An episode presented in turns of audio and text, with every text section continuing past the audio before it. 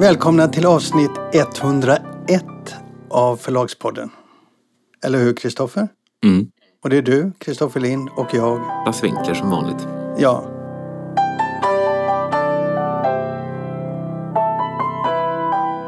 Jag fick ett mejl från en, eh, en god vän som eh, var väldigt entusiastisk och översvallande glad för han hade sett en av Linde Companys böcker i Babel. Och han tittar på alla avsnitt av Babel och han brukar ofta köpa böcker som de pratar om i Babel. Och han tyckte det var så roligt eh, och sa att nu, har, nu säljer ni väl tusentals böcker. Jag tänkte att jag skulle berätta exakt hur, mycket, hur många böcker vi har sålt efter detta Babelinslag som även sändes i Kulturnyheterna. Vänta lite nu. Ett Babelinslag sänd, sändes det i Kulturnyheterna? Ja, jag har uppfattat det så. Jag har inte fått exakt det bekräftat men jag tror att det sändes även i Kulturnyheterna. Mm. Okej. De oskiljaktiga heter boken och det är en roman av Simone de Beauvoir som har återupptäckts. Den har legat opublicerad väldigt länge. Och eh, anledningen till att den inte publicerades var för att Sartre tyckte den var för intim. Så att eh, han uppmanade henne att inte ge ut den. Och sen så har hennes adoptivdotter som har hand om hennes litterära kvarlåtenskap nu bestämt sig för att publicera den. Så den har publicerats i Frankrike och en, en lång rad med länder. Och det är ju lite kul. Och eh, det tyckte även Babel som gjorde ett inslag som var både bra och trevligt. Där de hade en, eh, en eh, Zoom-intervju med den här adoptivdottern. Och sen så berättade lite grann om boken och sådär. Jag vet inte, man kan göra så mycket bättre inslag egentligen. Väldigt bra reklam och en bra presentation av författarskapet och så. Det är ju alltid svårt det här att säga exakt hur mycket böcker man säljer efter ett visst inslag. Därför att man vet inte hur många böcker som skulle sålt eh, om det inte hade varit för inslaget. Man kan se en trend. Men sen vet man inte heller vad man ska liksom sluta mäta så att säga. För det kommer ju annan uppmärksamhet kring en viss bok också. Så det kan vara svårt liksom att se exakt vad som härrör från vad. Men två dygn efter inslaget så hade vi sålt 47 ex. Och två veckor efter inslaget har vi sålt 184 ex. Och det kan man ändå säga att alla de 184x kommer ju då inte från på grund av Babel å ena sidan. Å andra sidan så är det säkert så att det kommer säljas lite fler x kanske framöver som kommer att säljas på grund av Babel. Men eh, det finns ju andra värden, tänker jag, om man pratar om ett författarskap i Babel. Inte bara exakta försäljningssiffrorna som kommer direkt utan eh, Nej men det är klart att det finns jättemånga andra aspekter och så men jag tycker att i den här podden så kan det vara intressant att berätta att uppmärksamhet inte alltid behöver driva försäljning för att många författare som inte får uppmärksamhet tror att om jag bara fick sitta i tv-soffan eller om mina böcker bara recenserades. Det ska väldigt mycket till så att säga för att den typen av uppmärksamhet ska driva en försäljning som är väldigt omfattande. mm, mm. Och många, många, och jag tyckte det där mejlet jag fick av min, min vän var talande för hur många som inte befinner sig i bokbranschen brukar liksom reagera. De tror liksom att om någonting, någonting är i en kvällstidning exempelvis, det, det, det säljer absolut ingenting. Kvällstidningar är det sämsta. Men om någonting är liksom på, på tv eller så här så tror de att man säljer liksom tusen ex kanske. Men, men i själva verket så är det 184 ex eller 50 ex. Mm. Det beror ju också givetvis på hur bred boken är men det är ändå en värdemätare som är intressant. Ja, det beror på hur bred boken är men det beror också på hur det presenteras och hur positivt det är och sådär. Men, det är, men det, är, det generellt sett är väldigt svårt att genom upp den typen av uppmärksamhet. Alltså man måste jobba långsiktigt och som du säger det har andra värden och så. Det driver inte försäljning i så stor utsträckning som folk tror. Mm.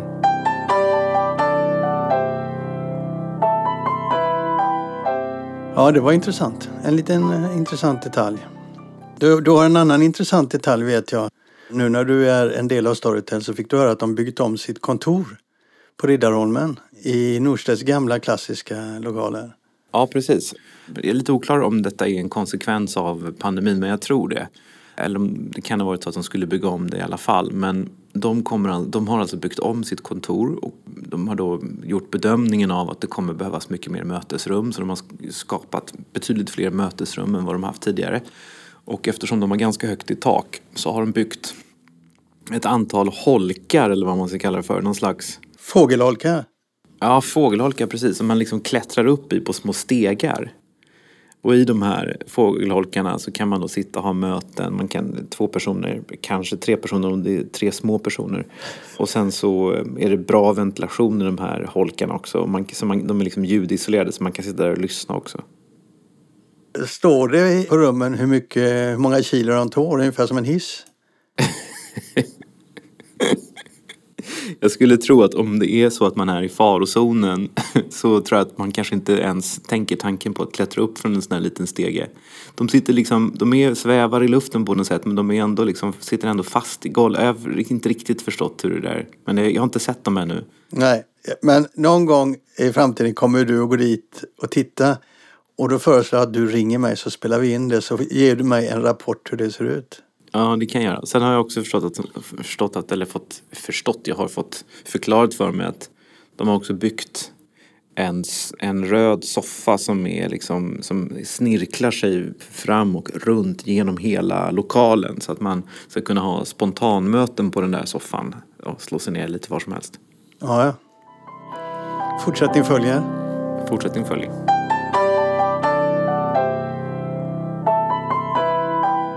En helt annan sak. Och det handlar om eh, World Audio Publishing International, WAPI. Ljudboksförlaget har börjat med pappersutgivning. Och det där reagerar du på lite grann förstår jag. Jag reagerade på det. Eh, det var väl inte helt oväntat. Jag tror att det var helt nödvändigt. Och det säger rätt mycket om utvecklingen idag på marknaden. Hur då? Ja, alltså det har ljudboksformatet har ju blivit så viktigt eh, och det har blivit så pass stort så att det har blivit, liksom, det har blivit i många fall det dominerande formatet. Alltså det är där som, som eh, intäkterna finns. Samtidigt som många författare vill helst att böckerna, böckerna också ska finnas i pappersform, kanske till och med kräver det. Så att eh, jag gissar utan att veta att det här är liksom en ofrånkomlig utveckling för Vappi. De klarar inte av längre. De måste helt enkelt ge ut böcker i papper för att kunna bygga men kanske också framförallt att behålla författarskap. Och det här är, en utveckling som vi också känt av och känner av och som vi eh, tycker är jobbig. På vad sätt då? Jag tror att det kommer, det kommer komma ut alldeles mycket pappersböcker som inte, som inte går att sälja helt enkelt. Och eh, förlagen får Alltså det, är, det, kan vara lite skillnad mellan det digitala och, och, och, och, det, och pappersvärlden så att säga. Förlagen kommer, kommer tvingas ge ut betydligt fler böcker i papper än vad de egentligen skulle vilja. Det är möjligt att det, det sen kommer liksom slå tillbaka, liksom, att förlagen kommer säga nej men vi, vi vill inte så att säga. Vi, har, vi säger ju ibland att vi ger gärna ut en bok i, i ljudbok men inte i papper och vi drar oss inte för att säga nej men då, då, då tackar vi nej och så avstår vi. Jag tror att det kommer komma ut för många pappersböcker helt enkelt framöver. I, I vissa fall så är det så att förlagen gör en felaktig bedömning att böckerna kanske ska finnas i papper men i många fall så, så är nog den digitala bedömningen helt korrekt och riktig. Eh, och det är liksom en, en eh, två olika intressen här som står lite grann mot varandra och på sikt så blir det säkert självreglerande på något sätt.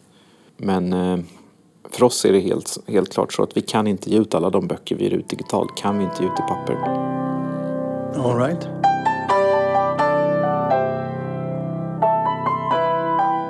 Du, har du fått några reaktioner på att vi har fyllt 100? Ja, du tjatar om det hela tiden och du tjatade om det långt innan vi fyllde 100 men annars så har jag inte fått några reaktioner. Nej, jag tjatar inte, jag bara påpekar i all ödmjukhet ska jag vilja säga. Jag har fått det för oss. Jag fick i brevlådan häromdagen en bok och eh, så står det så här. Grattis Förlagspodden 100 avsnitt Lasse Winkler. Göteborg 13 april 2021. Eh, hälsningar Aino Trosell. Och det är hennes bok Varvsslammer som hon skickade till oss, eller mig då. Mm, det är en bra titel. Mm, den hittar hem eh, hos mig av flera orsaker. Jag har ju en bakgrund på varven i Göteborg. Jag jobbade där några år. Vad gjorde du? Jag var grovplåtslagare. Jag minns än idag med stor värme, eh, slitet och kylan och blåsten. Men framförallt kamratskapet. Det var en väldigt, väldigt speciell värld. Väldigt manlig värld ska jag säga. Men Aino som jobbade på Eriksberg när jag jobbade på Götaverken. Hon var ju svetsare.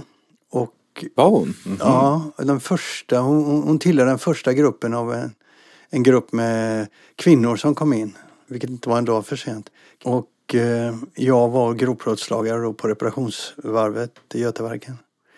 Ja, du kan tänka dig hur storslagen den miljön var, alla de här stora fartygen. Mm. Och, och, när man sprang på ställningarna, det var 20-30 meter ner. Eller när man sprang runt i ställningar i tankarna och så. När man, eh, ja, det var magiskt. Framförallt det här, det var en sån här miljö där det var ett, eh, en humor som var väldigt, väldigt, väldigt speciell. Du vet, folk hade såna här smeknamn. En, en kille, en man som jag jobbade med som heter Slyban. Jag vet inte var hans namn kom ifrån. Slajban. Ja. Men svarten han var ju, han var ju helt ljus, hårig. Och sanningens pärla, han eh, var nog inte riktigt så trovärdig. Men den typen av namn då slängde Vad vi. kallade, de, vad kallade de dig? Ja, jag hade nog inget. Jag, jag, det var nog inget som fastnade på mig. Jag var där bara ett par år. Men det var, det var, det var viktiga år. Det trodde jag inte då, men det var viktiga år. Den här boken hon har skrivit då, Aino, är ju en slags, ska man säga, arbetarhistoria. Massor jag har gått igenom varenda, enda bild där. Som jag, varenda foto i den boken. Men det är en, det är en roman eller? Är det Nej, nej det, är, det är lite både och. Alltså dels är det en berättelse om varven. Jag har inte hunnit läsa den ännu men jag tror att en del är skrivet på i lite romanform kan man säga. Kanske inte, eh, för att inte göra Aino orätt här men, men det är en väldigt fräck bok alltså.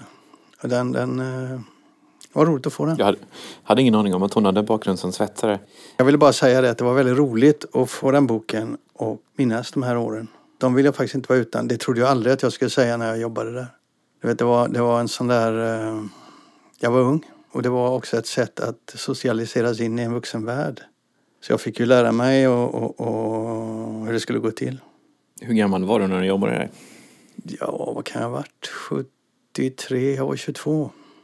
73 till Och 75. Vad, vad exakt bestod uppgifterna i? Liksom? När man är grovplåtslagare så är man ju, och när man är ny så är man ju hantlangare. Så man springer omkring och velar och hämtar grejer. Halva arbetstiden när- när den gick åt där jag sprang och hämtade verktyg och material i förråden. Förråden var ju en bit bort. Men eh, vilka fantastiska yrkesmän jag jobbade med. De kunde titta på en, en, en, en plåt som hade blivit krockskadad.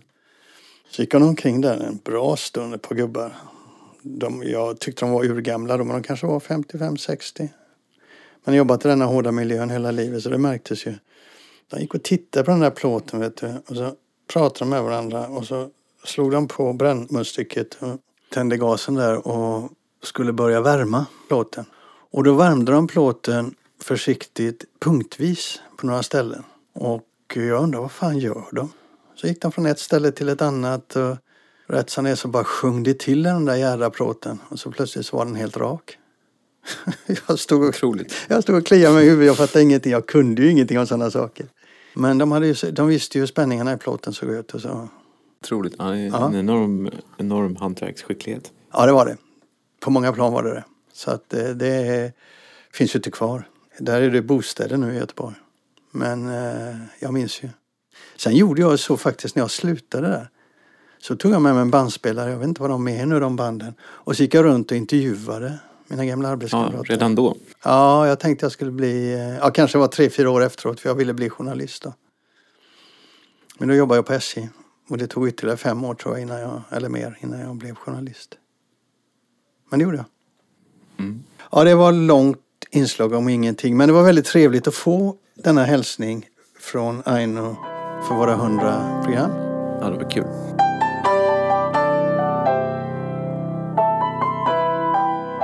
Idag har vi också en intervju med Mattias Boström som är förläggare för digital utgivning på eh, Lind Company, det vill säga ljudböcker, e-böcker. Och orsaken till det är att han gick in på en Facebook-tråd som jag läste som handlade om ljudböcker. Som jag tyckte var lite eh, ytlig. Och så la han ett inlägg där som jag tyckte var så konkret och så fullt av iakttagelser. Som de flesta som pratar om ljudböcker inte har en aning om. Va? Så jag ringde upp honom på Skype och så här blev det. Hej Mattias! Eh, det var länge sedan vi sågs höll jag på att säga. Det var det väldigt länge sedan. Men jag tänkte faktiskt tillbaka till slutet av 1990-talet. Då du var, hade ett eget förlag och jag var så förtjust i det förlaget. För det gav ut så många fantastiska författare som jag tyckte om. Du har en stark karriär som förläggare. Du har en stark karriär som författare. Du har jobbat med eget förlag, du har jobbat på Forum, du har framförallt jobbat på Pirat och nu jobbar du på Lind Company. Och samtidigt så har du ett författarskap som också är väldigt intressant. Eh, nu tänker jag inte så mycket på att du är en av världens främsta Sherlock Holmes-experter. Utan nu tänker jag på att du är så fruktansvärt, fruktansvärt finurlig.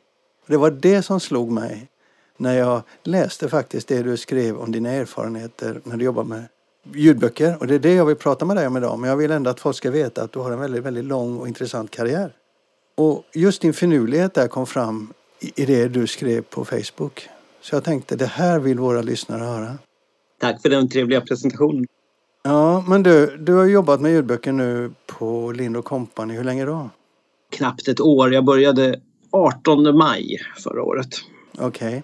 Och dina erfarenheter då är, tycker jag, lite speciella. Du, du verkar se lite mer. Du verkar tänka lite längre än de flesta som jobbar med det där. Så berätta för mig om dina erfarenheter av det här året.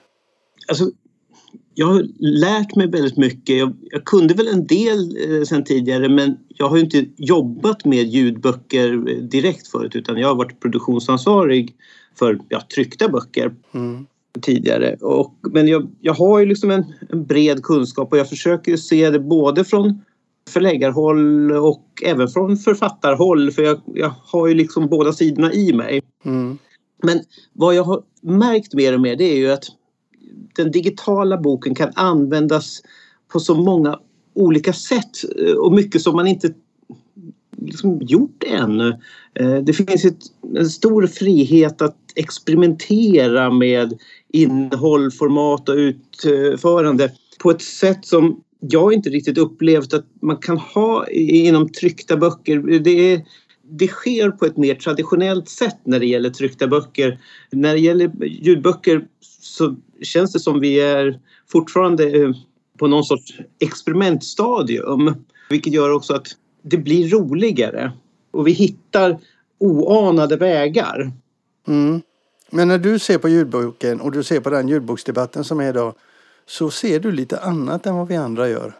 Ja, jag blir lite trött på det här att det som pratas om i debatten om att det är bara den de populäraste genrerna som tränger undan de smala böckerna. För visst, alla böcker lämpar sig inte som ljudböcker. Det, det kan man ju konstatera. Och det, det, är ju också så med vissa fackböcker lämpar sig inte som e-böcker heller. Det, de har olika förutsättningar. Men däremot så finns det en enorm bredd av böcker som mycket väl kan fungera som ljudböcker och som också bör eh, ges ut som ljudböcker.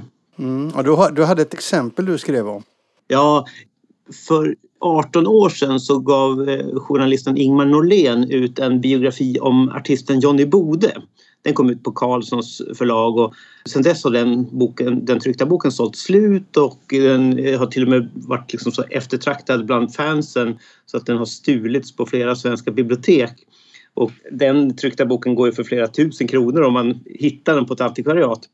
Men jag kände att okej, okay, det är ett smalt ämne, Johnny Bode, och det, det, har sina fans men jag tyckte ändå att det här är en fantastiskt bra bok och det är en intressant berättelse. Den borde nå ut till fler. Mm.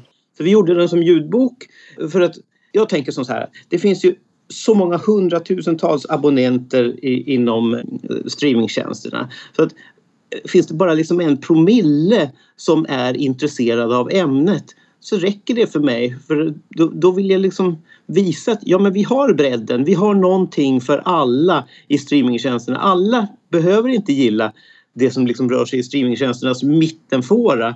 Utan vi kan också erbjuda en hel del annat för att visa just på streamingens bredd. Och eh, på bara några veckor efter att den Johnny Bode ljudboken kom ut då så hade jag ju liksom nått ut med den till flera tusen lyssnare. Och det som är intressant där är ju att titta i läsarkommentarerna och konstatera att väldigt många som hade lyssnat på den hade ingen aning om vem Johnny Bode var innan de började läsa den. Lika många hade aldrig fått för sig att köpa eller låna på bibliotek eller överhuvudtaget läsa den här boken. Men det finns en experimentlusta bland lyssnarna i streamingtjänsterna att du kan lyssna på vad som helst.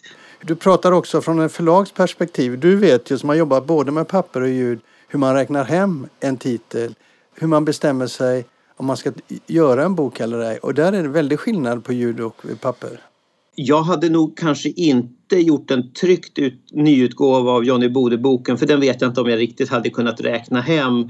För eh, då har jag i princip ett år på mig att räkna hem den. Kanske två år om jag skulle göra den som pocket också. De säljsiffrorna för de inbundna böckerna har ju sjunkit så pass mycket nu så att det, det är svårare att räkna hem det den vägen. Och eh, med en ljudbok så, jag menar, för mig räcker det om jag har en break-even på 4-5 år. Mm. Eh, för att jag vet ju att efter de 4-5 åren eller när jag väl nått upp till break-even sen kommer ju boken bara gå på plus i så att säga eviga tider. Medan då en tryckt bok existerar ju knappt i bokhandeln eller i läsarnas medvetande. Det är väldigt svårt att nå fram till den tryckta boken efter det där året eller två åren, förutom på biblioteken. Mm. Nu när du har hållit på ett år här, vad har du, vad har du så att säga upptäckt som har överraskat dig? Har något överraskat dig? Ja, jag, jag, visste väl rätt mycket. Jag var väl ganska väl förberedd när jag började med detta. Men det som har bekräftats det är ju reaktiveringens kraft. Okay. Det vill säga att skriver man en bokserie så även om du totalt misslyckas med första boken i serien, eh, att det blir ett säljmässigt misslyckande inom tryckta böcker så hade det varit förödande. För att du hade fått jättesvårt att nå ut med andra boken via bokhandlarna för de hade inte riktigt de hade tittat på säljsiffrorna för den första och insett att det här är ingen serie vi kommer satsa på. Mm. Däremot så ser man ju då i, i streamingtjänsten att när andra boken kommer och om den når ut, ja ögonblickligen inom några veckor så har du hämtat igen hela liksom, tappet för den första boken för att eh, de som har fastnat för andra boken vill lyssna på den första boken. Vi ser det i siffrorna, vi ser det i statistiken för varenda bokserie vi, vi ger ut. Att när vi kommer med en ny bok i serien så har vi en otrolig stigning i statistiken för princip alla de tidigare böckerna i serien. Vi behöver inte ens nå break-even på den nya boken för vi tjänar in så mycket pengar på de gamla böckerna. Det sättet att tänka kan man inte ha när det gäller tryckta böcker. Mm. Men i ljudboksvärlden så är det det sättet man ska ha. Om du tittar tillbaka på det här året, vad är det roligaste titeln du har lagt fram eller har fått fram? Bara säga det jag frågar för jag vet att du är väldigt finurlig så att du hittar böcker som inga andra tänker sig att de ska göra. Jag skulle väl kanske vilja lyfta fram speciellt eh, det som är väldigt unikt för streamingtjänsterna är ju vad det gör med produktiva författare. Jag har en författare som heter Sofia Rutbeck Eriksson som i sommar kommer komma med de fyra första böckerna i en bokserie, i en mysdeckarserie om en privatdetektiv i Luleå. Och eh, väldigt roliga böcker. Den första heter Gräset är alltid blodigare på andra sidan häcken. Och sen fortsätter det i samma stil. Och där räknar vi med ja, kanske uppåt nio böcker om året. Sex, sju timmar långa. Oj, oj. Och det ska bli superintressant att se vad det gör med den här reaktiveringen. För att kommer de någonsin liksom försvinna från topplistorna om de tar sig dit? Det gäller ju att det är bra böcker också självklart men i den tryckta bokens värld så ser man ju liksom lite suspekt på författare som producerar mer än en bok om året för det är svårt för bokhandel att hantera, det är svårt att PR-mässigt lansera och så vidare. Mm. Men i, i ljudböcker så både streamingtjänsterna men speciellt lyssnarna bara skriker ju efter fler böcker av samma författare när man väl har fastnat för författarskap. Och det är ju också det här när man taggar ihop det till serier vilket gör att när man har lyssnat på en bok så får man automatiskt förslaget att vill du lyssna på nästa del i serien? Mm. Jag lyssnar ju med, med, min äldsta dotter så lyssnar vi på det här dagbok för alla mina fans och vi har lyssnat på den serien hur många gånger som helst nu för att så fort vi har lyssnat färdigt på en bok så kommer liksom förslaget att vill du lyssna på nästa ja. del. Så du kan dem utan till nu? Japp. Nu har vi även börjat läsa dem i tryckt form. Det som jag tycker är väldigt roligt med, med ljudboksvärlden det är ju chansen det ger åt oetablerade författare. För visst, många drömmer om att ge sig ut i papper men vägen till stor spridning och snabbare framgång går ju numera allt mer genom streaming. Mm. Och eh, det, det som är kul är att se att en helt oetablerad författare, debutant, kan lätt ta sig upp på streamingtjänsternas 10 i topp eller 20 i topp någonting eh, bara efter en vecka. Om man liksom har hittat till lyssnarna eh, på ett sätt som det hade varit mer eller mindre omöjligt i, som tryckt bok om man inte hade haft en jättestor PR-apparat eller en väldigt stor lansering av boken eh, från förlagets sida. Man kan väl säga som så att toppen på isberget i ljudbokstjänsterna, i streamingtjänsterna gör ju också att det kanske sprids det där föraktet för att jag, jag räknade efter nu på eh, så här lite 200 i topp på Storytel och ungefär 70 procent av böckerna där är spänning. Mm det är väldigt mycket. Vanligtvis så, nu är det extra högt för att det är många spänningsförfattare som dragit med sig sina gamla titlar in i det här genom reaktiveringen så de också hamnar på 200 topp. Men det brukar kanske ligga på 55 procent någonstans med spänning. Men, och sen är det feelgood och så kommer lite romaner och, och, och så här 10 procent barnböcker och lite biografier och sådär. Men det är väldigt lite annan facklitteratur. Men då har man inte sett det som är under ytan. För att för mig räcker det ju att om jag har en fackbok som lyssnas tre gånger om dagen. Den kommer ju inte upp på någon topplista. Den är så långt från topplistan som det bara går. Men det, den får ändå tusen lyssningar på ett år. Mm. Och kanske gå på break-even på två år. På tio år så har vi tjänat ganska, ganska bra med pengar på den boken. Det handlar ju om att förlaget ska vara uthålligt, författaren måste vara uthållig men är man bara det, om man liksom kan klara sig med det så är det väldigt gynnsamt i längden.